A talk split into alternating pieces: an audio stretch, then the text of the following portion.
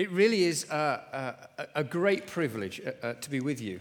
Um, uh, it, it, really is. You know, the older I get, uh, the more privileged I feel to be able to travel uh, and to just, just to be with you. Um, it, it, it's, a, it's a really strange thing, uh, to be honest, when, when, when I get inv- invitations, particularly when they're from foreign places. Um, I, I, think, wow. You know, and uh, when I was asked if I would come back, I mean, because I was here two and a half years ago, and then I was, I, I was, I, this is my third visit, I think, to, uh, to Stavanger. And uh, just to keep being asked back is really rare. Um, it, it, really is. Um, two weeks ago, I was preaching in the church where I became a Christian, where I preached my very first sermon, and it took them 27 years before they invited me back. I was that bad. And uh, so, obviously, as your English improves, you will notice, you know, what a bad preacher I am, and uh, you won't you won't invite me back. That's, that's, that's fine by me. Um, but uh, so it really is a, a, a, great privilege to be here. And thank you so much for, for interviewing me and for, uh, and for praying for me. Uh, it does mean a lot. Um, as I say, my wife has brain surgery on Thursday. Um, at uh, your time, it would be uh, nine o'clock your time, and, and it's a six hour operation. Um, and uh, the risks are very high. Uh, we don't know quite whether she will come round from the anesthetic. We don't know uh, uh, what uh, will happen as a result. 33% of the people that have this operation get well, 33% have nothing, and 33% actually get worse. Uh, and so um, it really is a, a, test of faith. If you're wanting to follow a little bit more about us and what we're doing, uh, then I've got a blog. I mean, who hasn't got a blog, you know? Um, but uh, I, have got a blog, and, it, and, it's a dead easy uh, domain name. It's www.mission.org. If you go on there, it will direct you to another site straight away, and uh, you will see uh, on there uh, a map. And uh, we've got hundreds of people around the world actually praying for Denise this, this Thursday. and can, there's going to be a, there's a blog that I keep um, and I entered one or two things. I think uh, last night about last night's meeting, I think I was okay. I think I was nice about you. Um, but I, I, uh, I, I, try and keep that blog because there are so many people. Uh, and it's, inter- it's really interesting. I've only been doing it for about a year and uh, approach, I think it's 27,000 people have read my blog. It's just, it's really quite amazing. And the amount of emails uh, that I get as a result, um, they're really quite interesting things. I, I want to share with you tonight a very famous passage. It's a passage that you've probably heard many, many times before. It's a passage that you've probably read many, many times before. But I don't know about you, but sometimes when we do something familiar, it's different.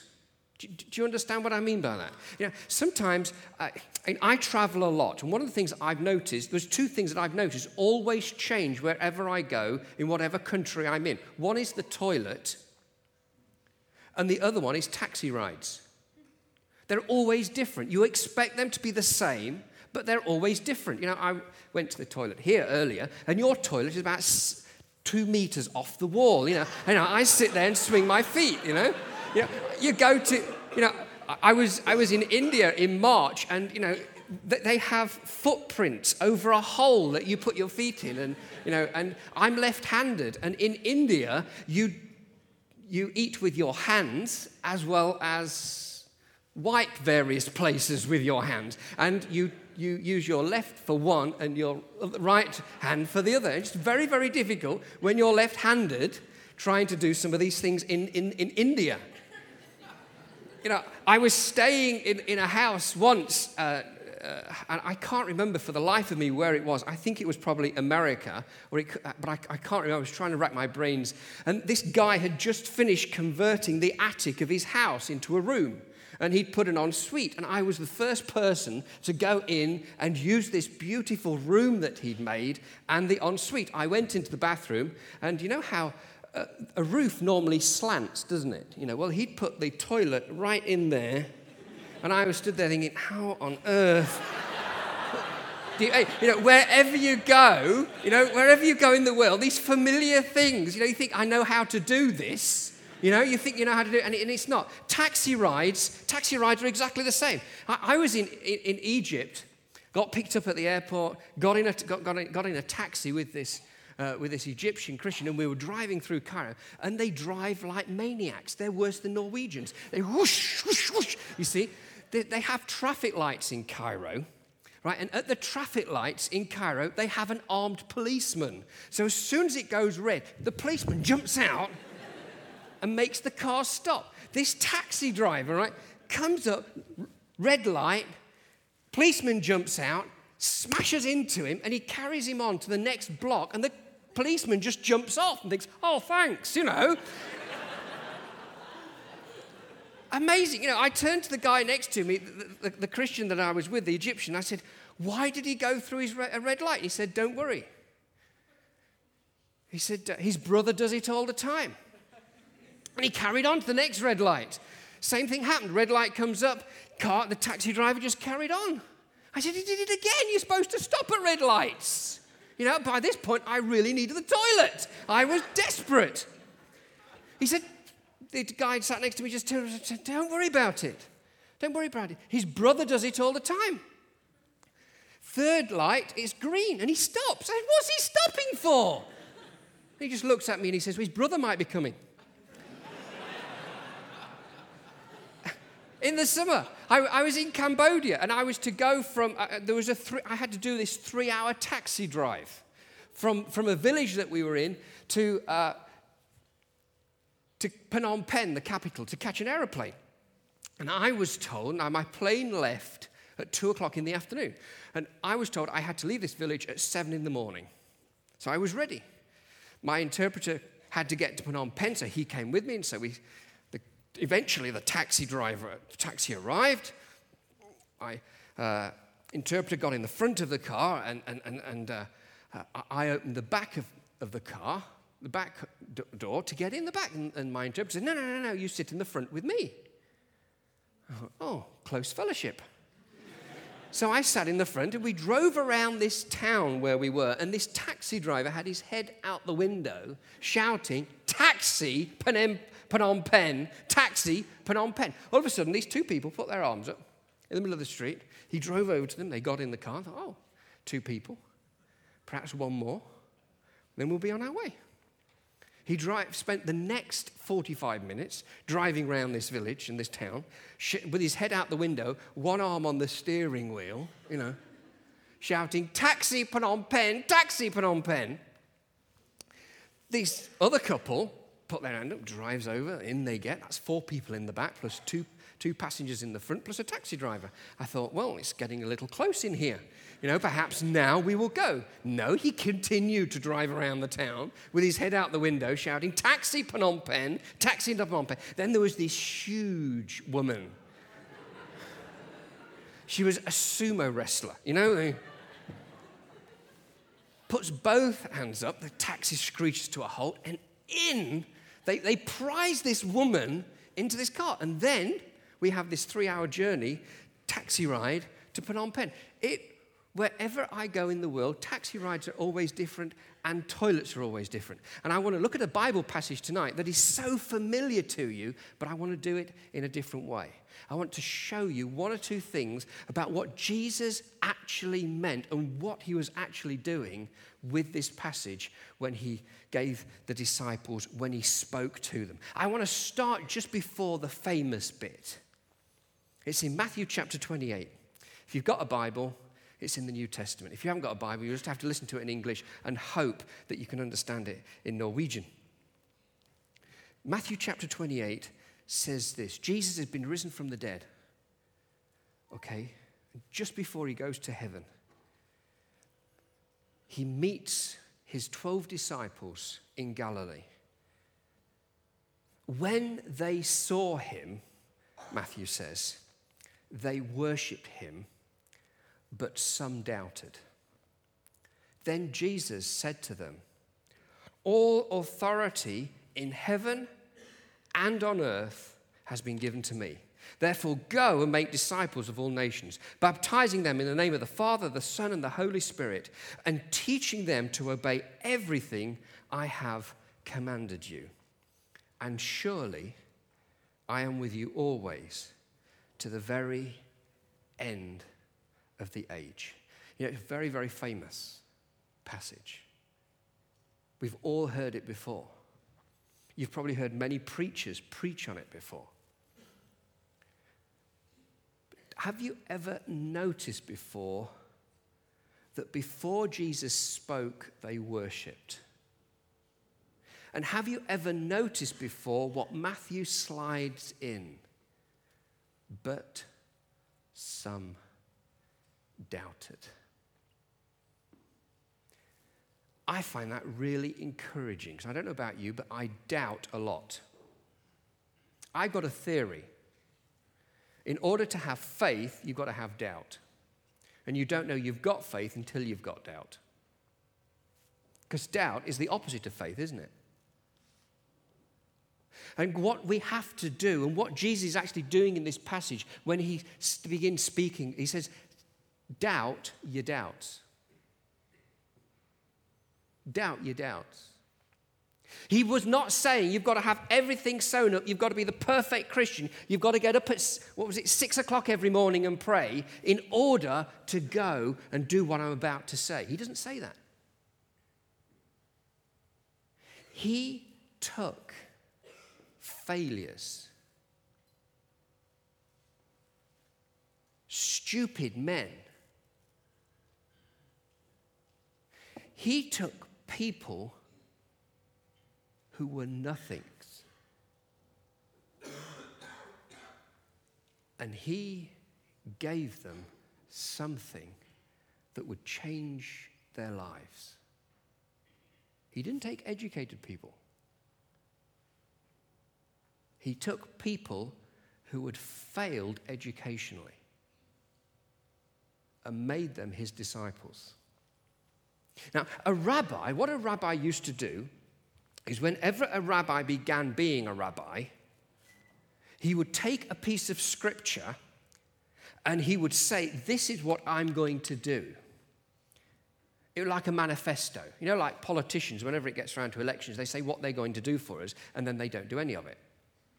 But the, the whole point is that they say what they're going to do and not do it, so that we know what they're not doing. See, it's very clever, you see.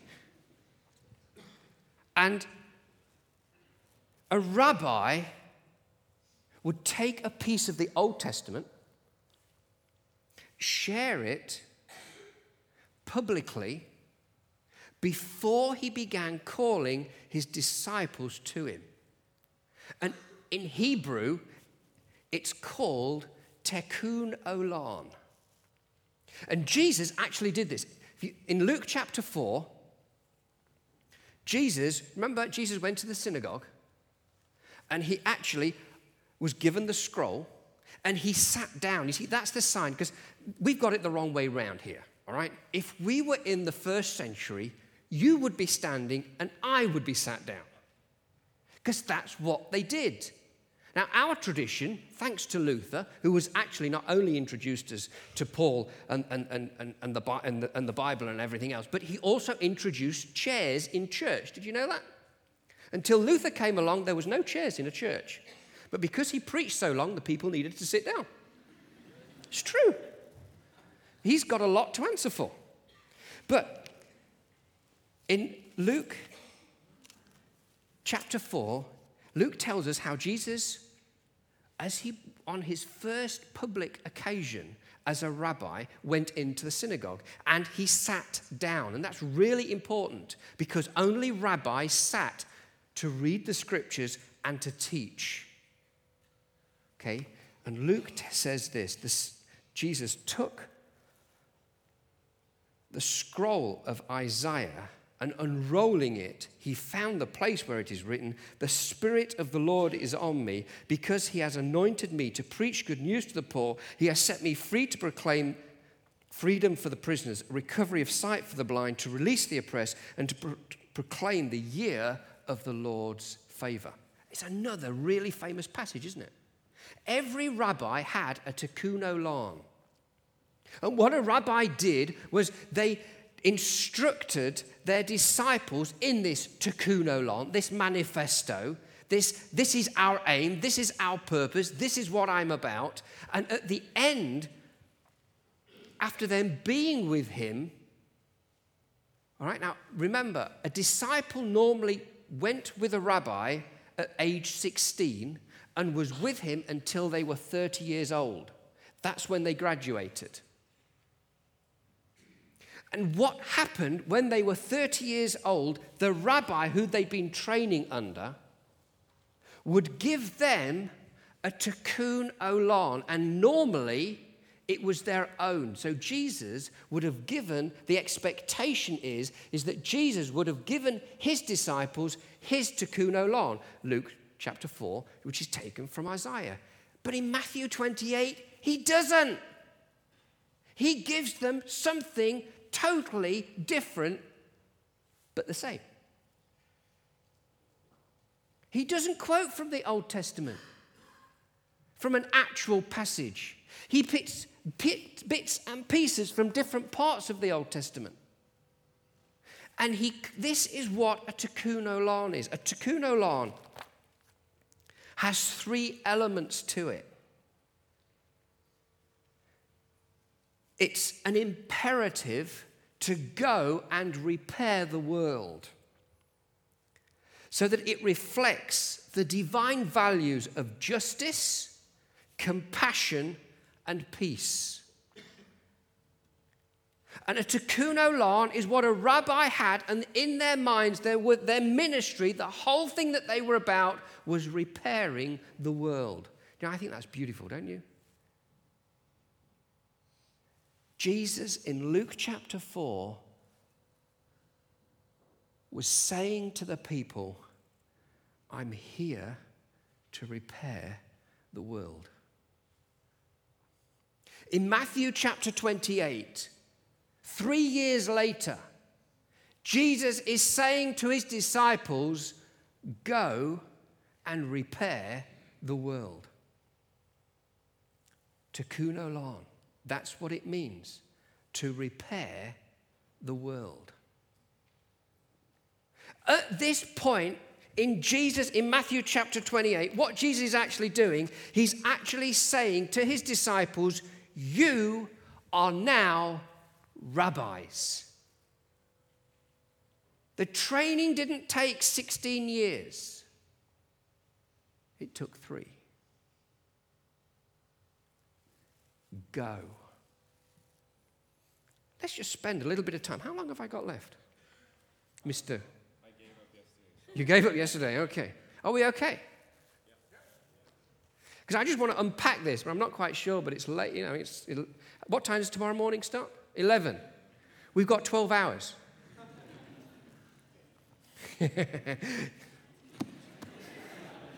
Don't laugh.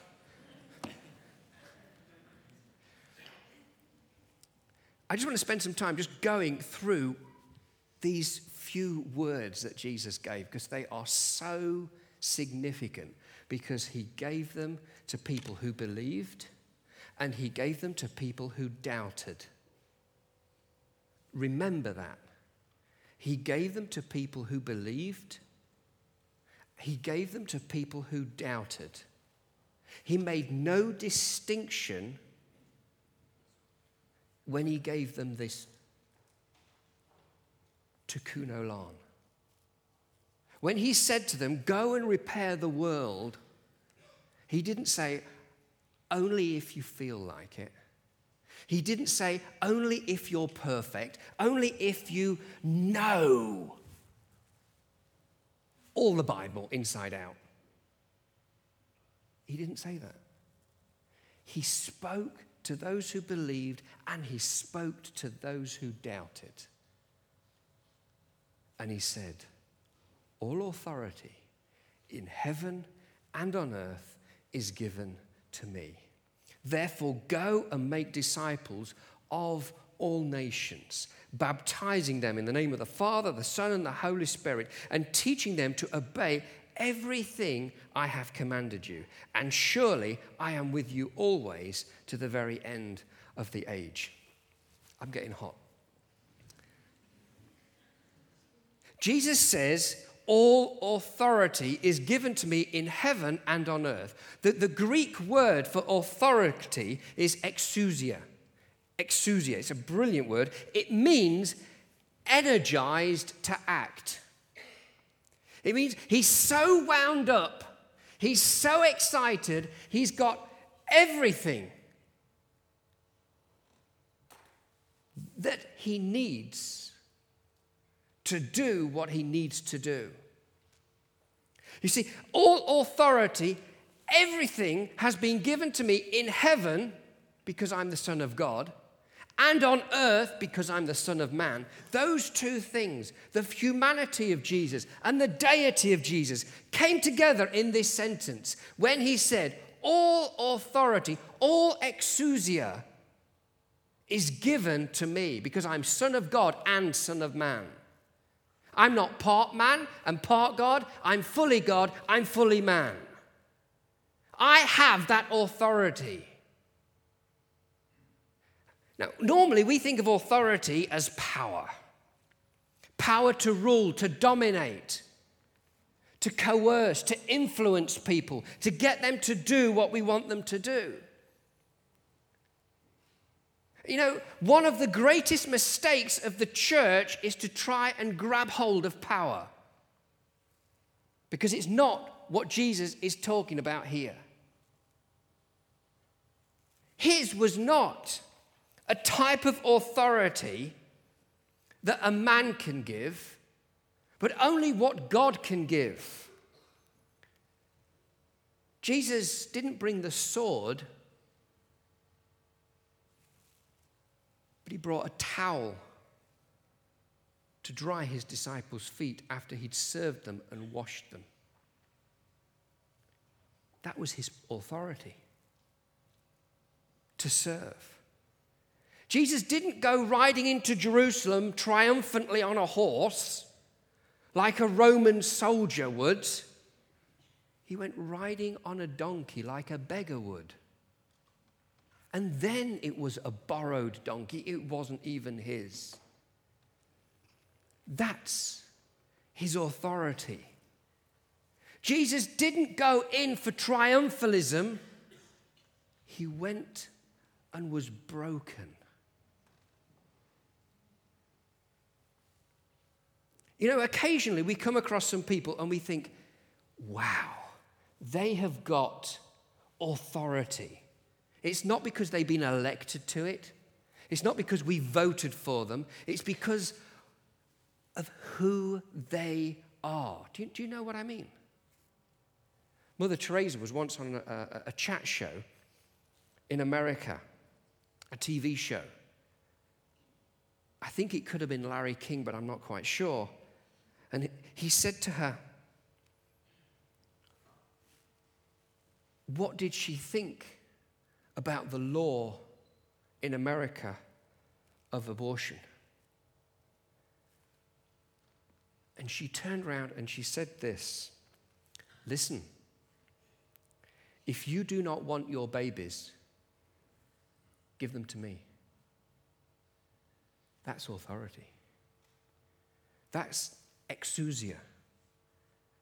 She wasn't condemning, she didn't criticize. She just said, if, if you don't want them, give them to me. That's what Jesus is on about here. That's the type of authority that Jesus says, that's what I've got. It's not one of power and dominion of war and terrorism, it's of peace, shalom, compassion. That's what I have earned. That's what he's saying. The Roman Empire was founded on war and hate. You either submitted to them or you died. Jesus authority is founded not on force, but on serving and washing feet.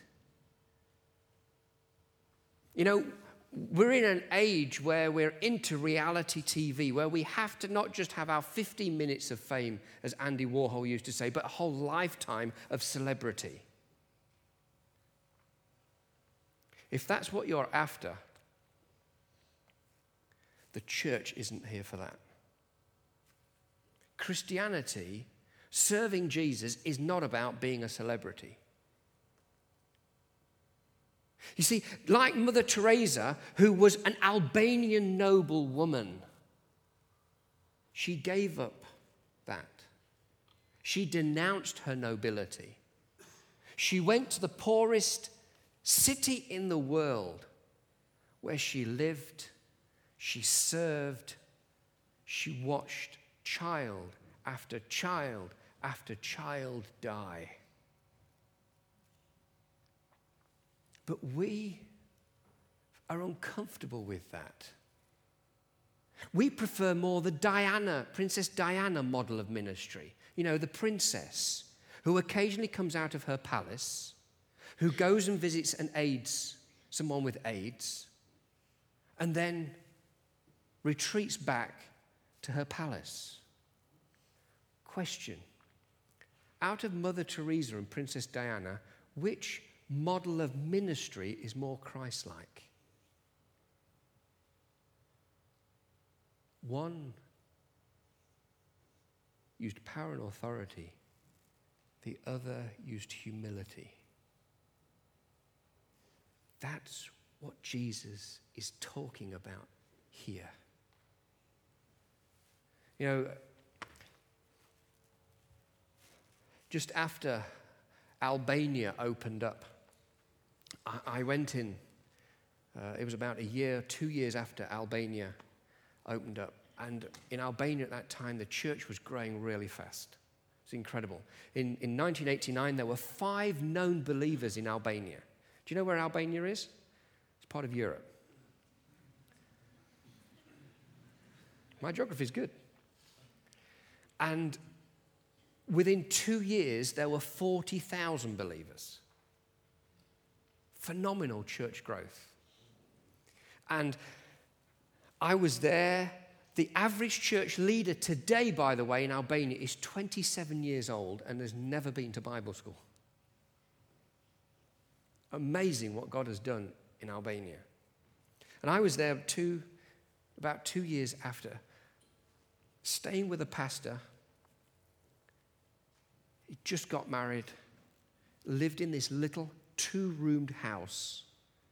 And outside of his house, every night, leaning against the wall of his house to sleep, was a mother and her three children. And at six o'clock every morning, the pastor and I had to leave the house and go and travel to the conference that I was speaking at. And every morning, at six o'clock, we opened the front door. There was this family there trying to sleep. And it really, really troubled me. He was me, white man, a Western European. And what was going through my mind throughout the whole week is Lord, how do I respond to this family? What do I do? to share your love, your compassion with them. Every evening we would walk back. And I hated, I got to hate leaving the house and going back to this house because we had to go past this family. They smelt, they were dirty. I was really uncomfortable with it.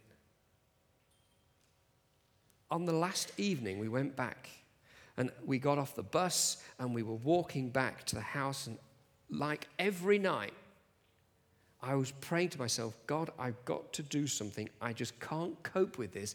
I know that this is nearly the last time that I'm going to see this family, have to walk past this family, have to close a door on this family. I just can't cope with this. We got there, and there was this family.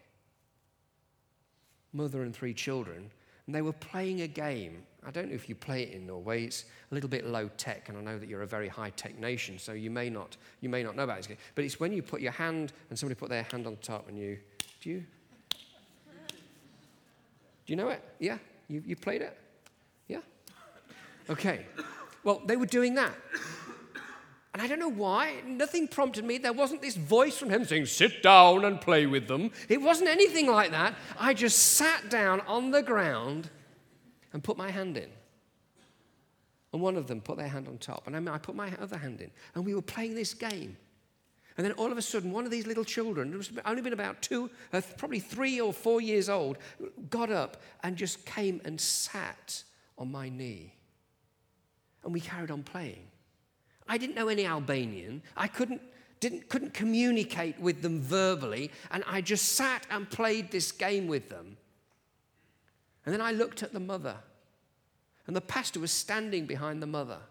And the mother had tears streaming down her face. Her face was so dirty that as she cried, it was washing away the dirt. And then she started to speak. And the pastor interpreted for me what she said. She said this Thank you. You have given us dignity. You have made us human. I didn't do anything apart from sit down and play. I didn't give them money. I didn't give them a home, I didn't give them education, I just sat with them. But I learned something. You don't need riches, you don't need education, you just need compassion to sit down and play a game with a homeless family. What they're wanting is dignity. What they're wanting is an expression of humanity. It costs nothing. That's what Jesus is talking about here. That's what he's saying when he says, All authority in heaven and on earth is given to me. Therefore, go. Therefore, go. You know, it literally means both go, gone, and going. It's all three past, present, and futures all rolled into one word. You see, we just think, oh, now you've got to go. No, you're already going. Don't think that just because you're here this weekend that you, you've decided you're going to go. You're already going. And if you're not, why not? Because it's all part of the package. When we become Christians, when we actually submit to Jesus, it's part of the deal. What he's done for me, I've got to go and share it with others. It's not an optional extra. It's not a buy in. It's not something we take out later on. It's something that God says, now go. Go, be gone, and get going. Question where are you going? Where have you been? Where does God want you to be? Are you in the right place? Or are you in the wrong place? You might be living in Norway, working in a school or in a bank or in some office or doing whatever, and you're in the right place. Or you may be in the wrong place. And you know, every now and again, we have to stop and ask the Lord, Lord, am I in the right place? Is this where you want me to go, to be? Is this where I should be? Jesus says, therefore, go and make disciples. Go and get he doesn't, when he says, you know, we've got this really warped idea about discipleship. Jesus now cuts against everything that rabbis knew about discipleship. And you know, we have fallen into the trap of what the old rabbis used to do in Jesus' day. Because we have this idea that discipleship starts when somebody becomes a Christian. So we disciple Christians. It's a complete load of rot. It's a complete load of rubbish. It's not even biblical, according to what Jesus says. As soon as you meet anyone, you're discipling them. It's not a six week course after somebody becomes a Christian, it's life. That's what discipleship is. It's knowing how to live for Jesus now and how to influence people into living for Jesus. I, I, had a friend, and he used to go into some of the, uh, in the city where we worked, he would go and, and play football with kids, street kids. And, and what he used to do is he used to form them into football teams. They weren't Christians. He deliberately didn't want Christians there because Christians, he said, just destroyed everything. He just wanted to disciple non Christians. And that's what he did. And after a few weeks of being in, with this guy, they began to be like this guy. They noticed that he didn't swear, so they stopped swearing when he was around. He, they noticed that not only did they stop swearing, but if they were playing a football match against another team, they would tell them not to swear because they might offend this guy who's their mate. That's discipleship. That is discipleship. These lads, right, these, this football team, 11 guys, used to walk around a housing scheme in the city at night terrorizing old ladies. They started playing football with my mate Ian. And you know what they started doing? They started hanging out the, su- uh, the supermarket during the day so they could help the old ladies carry their shopping home. That's discipleship. That is discipleship. That is influencing people for God. That is what discipleship is. It's not, I can't do this, it's who we're called to be. It's not saying, I know, I can't get involved in discipleship because I don't have all the answers. It's having the actual honesty to say to people, I don't know. Have you ever said that to somebody about your faith? I don't know. You know, just the other week, in August, I was on an aeroplane from Copenhagen to Amsterdam. And I was reading a book. I always carry with me two books. One is a, uh, a book that is probably a novel, you know, John Grisham or something like that sort of novel, you know, Harry Potter and the whatever, right? That sort of stuff, right? You know, just something mindless. But then if I don't want to talk to people, because people have this irritating habit of talking to strangers on airplanes. I don't know if you've noticed. But you know, if I don't want to talk to somebody, I'll, t- I'll have a Christian book. Because normally Christian books, people, oh, religious, whoa, you know, they don't want to. And I, I had this book with me it's true, I do this deliberately. And you know, I, I just I, I, sit there on the plane. I think, which book shall I take out? Do I want to talk to people, or do I not want to? You know, so I was flying flying back from the Faroes. I was in Copenhagen. I got on this plane. I thought, no, I don't, don't want anybody to talk to me, and I don't want to talk to anybody. So I got out this book, and it was called uh, "Evil and the Justice of God." I mean, just just the title puts you off, doesn't it? I mean, we Christian, we, you know. so I, open this book and I am reading it. It's genuinely, I am reading. I'm not pretending to read. You know how some people read, pretend to read, and look around them. You know, I'm actually reading this book. It's a really good book. And um, this guy sitting next to me starts talking to me. I think, oh, come on, get lost. and we start talking. He starts talking to me about the book. I'm thinking, I don't want to talk to you about the book. I don't want to talk to you about God. I just want to sit and read my book. And he says to me, Why does God allow evil?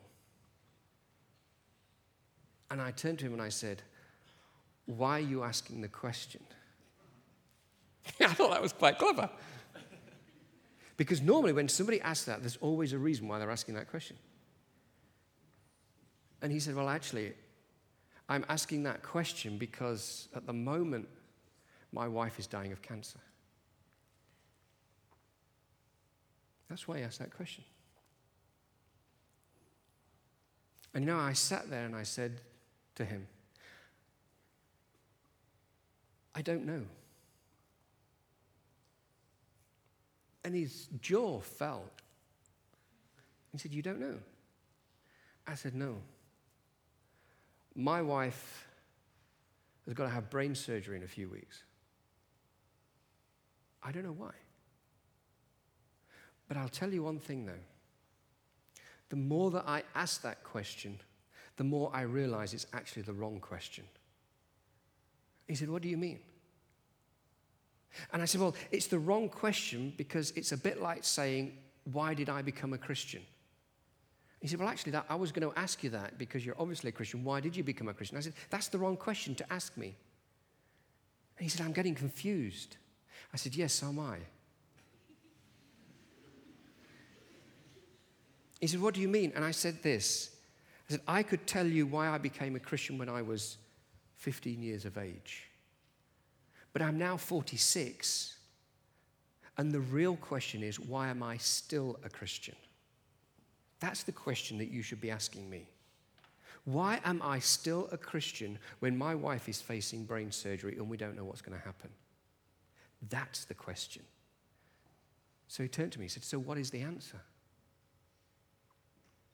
And I said, Well, looking back over all those years, I've known that God is there. So if I can trust Him then, I can trust Him now.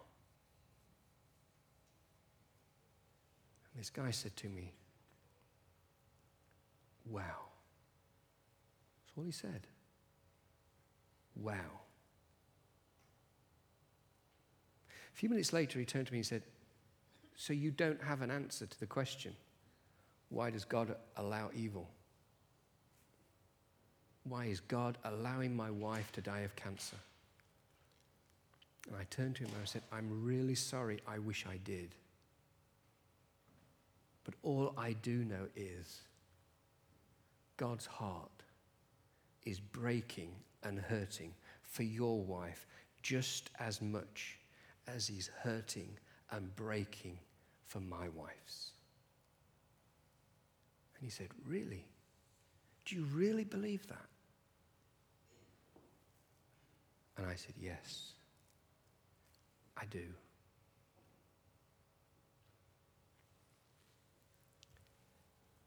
Jesus doesn't want disciples with all the answers. He wants disciples who are going to be honest.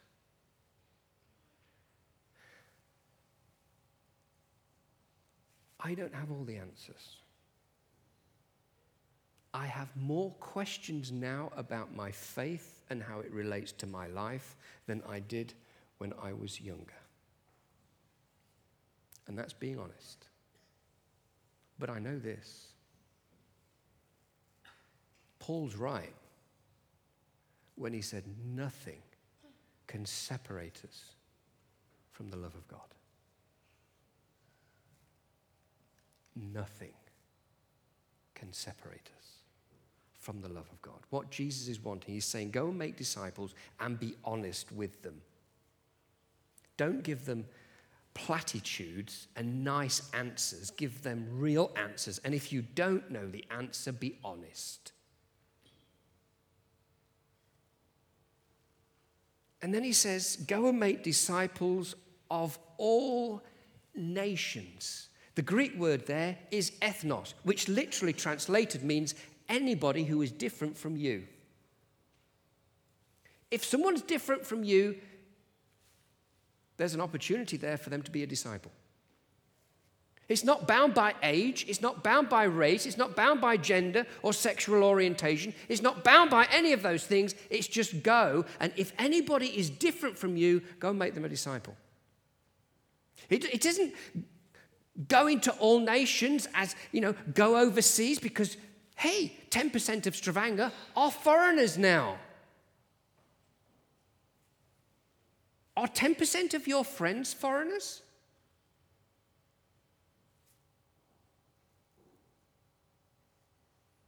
Because they should be. Because you're told to go and make disciples of everyone who is different from you.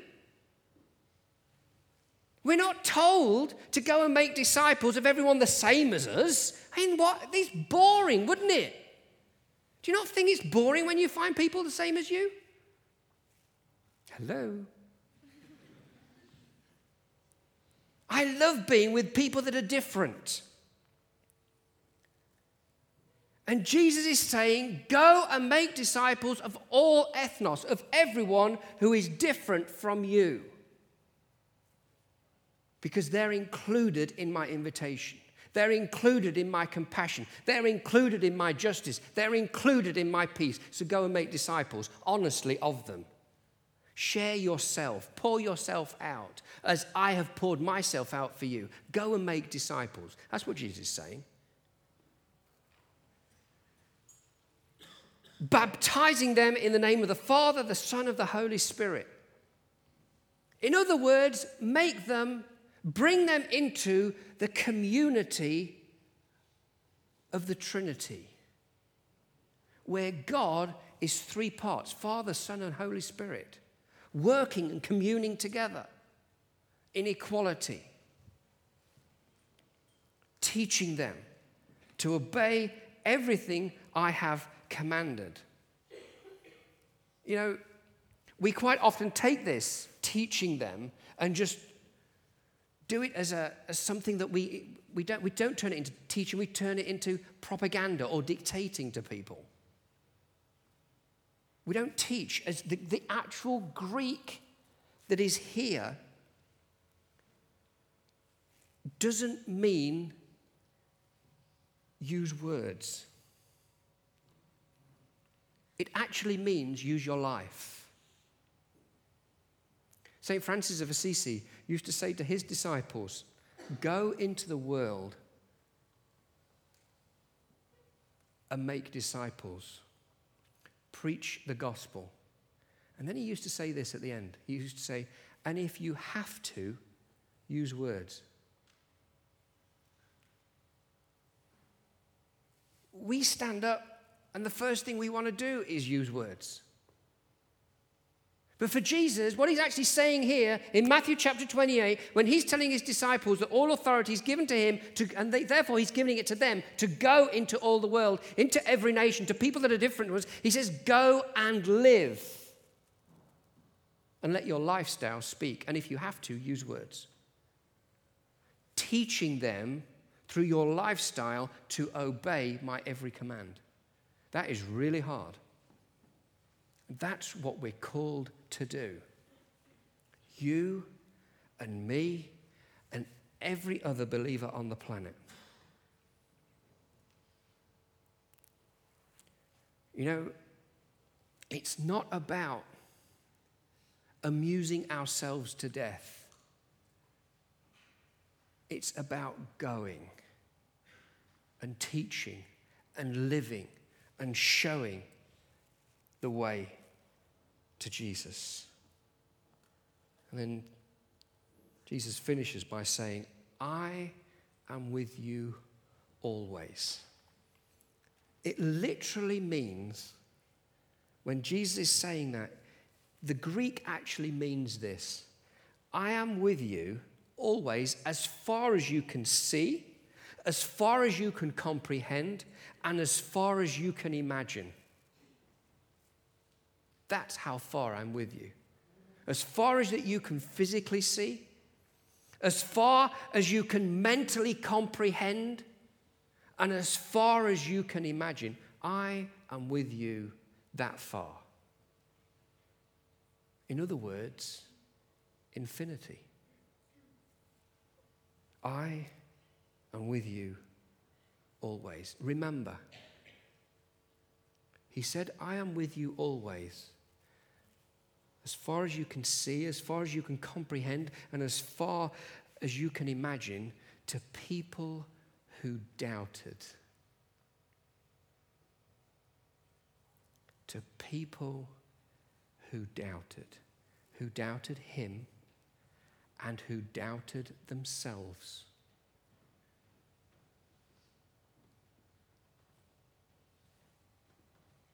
Jesus said, Doubt your doubts, because I'm with you. I am with you always to the end of the age. This is Jesus, Tikkun Olam. This is what he's giving his disciples. Go and repair the world that reflects justice, compassion, and peace. With each small act of kindness, with each moment of presence and practice, with each effort to see, to cleanse, and to integrate our inner spiritual life, we build out into the world and repair it. Jesus came to repair the world. Our job is to continue what he started, repairing the world, one life at a time. Now, some of you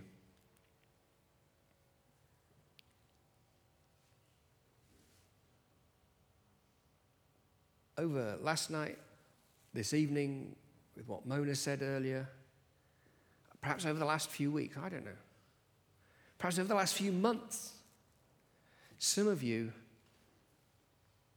have been prompted by God to go because you know that you're in the wrong place.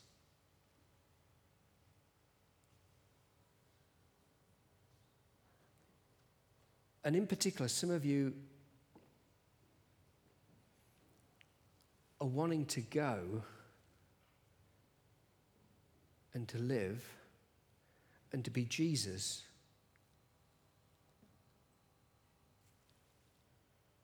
In some of these hard places that we've been talking about in Kenya,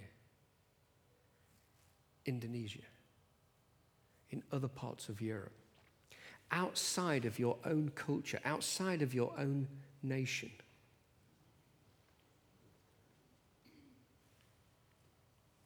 God has been calling some of you. And if He's been prodding you, you may not know. I, I, I, I think God's telling me to go somewhere, but I don't know where. Hey, I'm still looking for where I'm supposed to be going. I wish I could say, I'm a missionary to Kenya, I'm a missionary to wherever. I'm still looking. And you know, I've got this great job of traveling around the world and looking at each situation. And I, each one, each country that I go into, I say, Lord, is this where you wanting me to be? And each time it's, nope.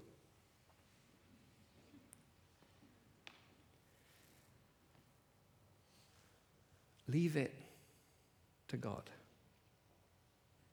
The first thing is, is God calling you out of your culture? Some of you, most of you will say, Nope, he's not. Great, no problem. Go and be a missionary where you are. Go and make disciples in the bank, in your job, in your family, in your street, here. But for some of you, God is saying very, very clearly, I want you out of here in the nicest possible way.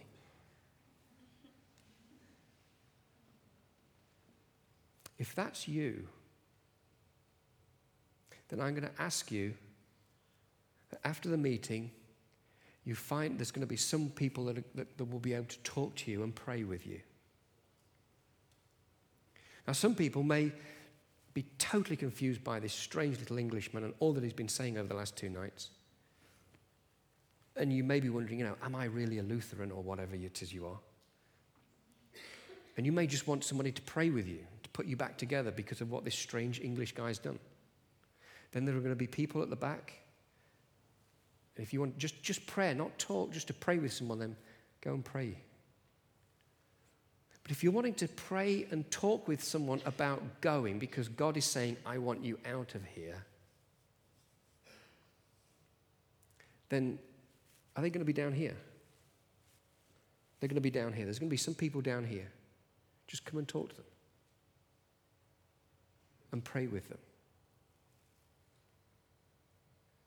We're going to pray, and then I think the, the uh, we're going to, they're going to sing. I'm sorry I've gone on. That's not long. Let's pray together.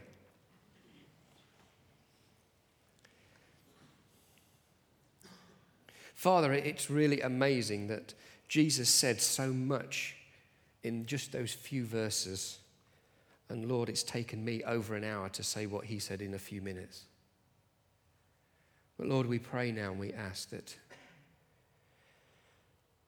Father, we would hear from you.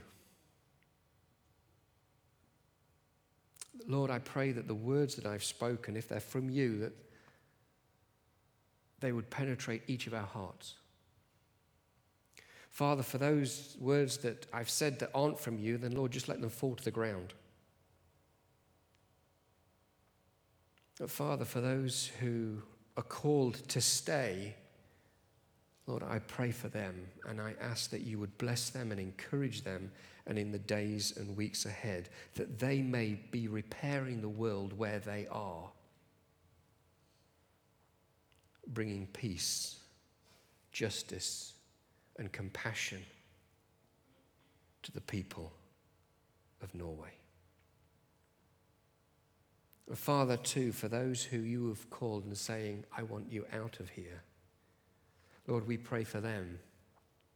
And we ask that you would lead and guide and direct them. Father, all of us are on a journey of faith. We ask you to lead us as we repair the world with justice, compassion, and peace. For it's been by grace that we have been saved through faith, not by works. For we are your workmanship, created in Christ to do good works.